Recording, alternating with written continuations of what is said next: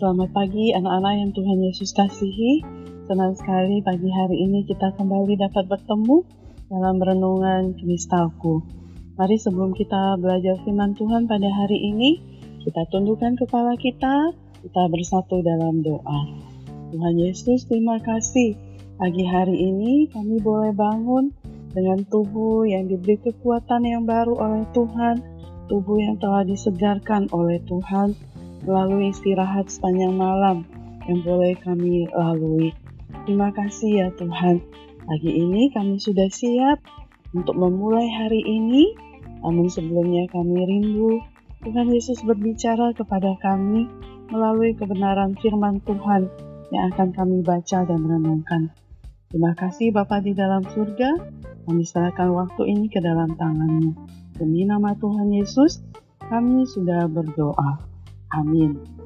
Pembacaan firman Tuhan pada hari ini dari Injil Lukas pasal 22 ayatnya yang ke-39 sampai 46. Demikian firman Tuhan. Lalu pergilah Yesus keluar kota dan sebagaimana biasa ia menuju Bukit Zaitun. Murid-muridnya juga mengikuti dia. Setelah tiba di tempat itu, ia berkata kepada mereka, "Berdoalah supaya kamu jangan jatuh ke dalam pencobaan. Kemudian ia menjauhkan diri dari mereka kira-kira seperempat batu jaraknya. Lalu ia berlutut dan berdoa katanya, Ya Bapakku, jikalau engkau mau, ambillah cawan ini daripadaku. Tetapi bukanlah kehendakku, melainkan kehendakmu lah yang terjadi. Maka seorang malaikat dari langit menampakkan diri kepadanya untuk memberi kekuatan kepadanya. Ia sangat ketakutan dan makin sungguh-sungguh berdoa. Pelunya menjadi seperti titik-titik darah yang bertetesan ke tanah. Lalu ia bangkit dari doanya dan kembali kepada murid-muridnya tetapi ia mendapati mereka sedang tidur karena duka cita. Katanya kepada mereka, "Mengapa kamu tidur? Bangunlah dan berdoalah, supaya kamu jangan jatuh ke dalam pencobaan." Anak-anak yang Tuhan Yesus kasihi, Yesus dan murid-muridnya meninggalkan rumah dan pergi ke Bukit Zaitun, suatu bukit yang terletak di sebelah timur Yerusalem. Ketika mereka tiba di tempat itu, Yesus berkata kepada mereka, "Berdoalah supaya kamu jangan jatuh ke dalam pencobaan." Kemudian Yesus berjalan dan berlutut untuk berdoa.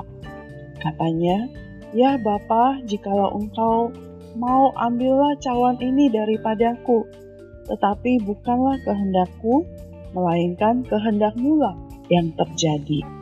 Kemudian seorang malaikat dari surga datang kepada Yesus dan memberi kekuatan kepadanya karena dia sangat kesakitan sehingga keringat menetes ke tanah seperti tetesan darah. Dia sangat bergumul. Dia berdoa lebih sungguh-sungguh. Kemudian Yesus bangkit dari doanya dan kembali kepada murid-muridnya. Tetapi Tuhan Yesus mendapati murid-muridnya itu sedang tidur karena duka cita, mereka lagi sedih. Dan Yesus berkata, "Mengapa kamu tidur? Bangunlah dan berdoalah supaya kamu jangan jatuh ke dalam pencobaan." Nah, anak-anak, apakah Tuhan Yesus telah mati? Yesus tahu bahwa sudah waktunya bagi dia untuk menghapus dosa dunia dia telah menyiapkan murid-muridnya untuk meneruskan pelayanannya. Malam telah larut, Yesus berdoa kepada Bapaknya di tanah. Apakah masih ada waktu baginya untuk pergi dan mendapatkannya di taman di mana Yudas dan yang lainnya dapat menemukannya? Mungkinkah Tuhan telah mengambil Yesus langsung kembali ke surga sehingga dia tidak harus menderita Dapatkah Yesus memanggil ribuan malaikat untuk membantu Dia?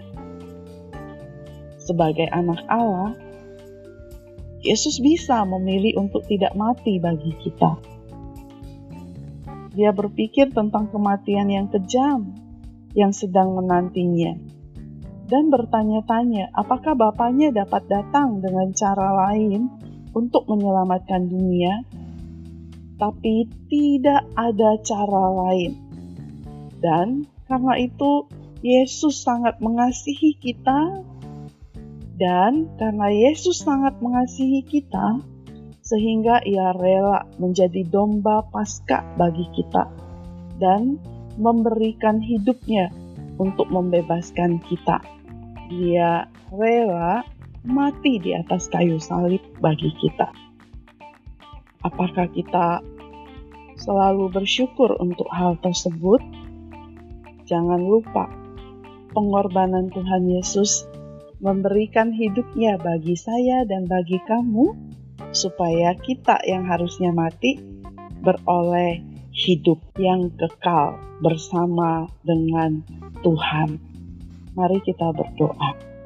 Bapa di dalam surga, kami bersyukur kebenaran firman-Mu pagi hari ini kembali mengingatkan kami akan pengorbanan Tuhan Yesus yang karena kasihnya kepada kami manusia yang berdosa rela memberikan nyawanya mati di atas kayu salib menggantikan tempat kami supaya setiap manusia yang percaya kepada Engkau tidak binasa melainkan beroleh hidup yang kekal.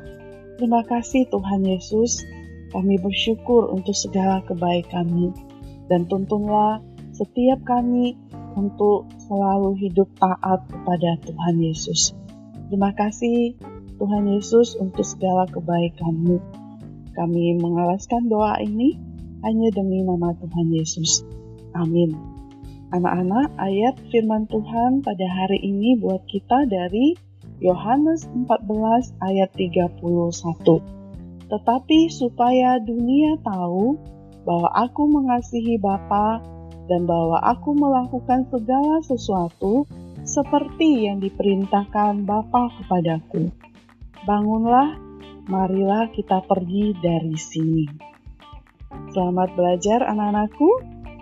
Bersama Yesus, aku bisa.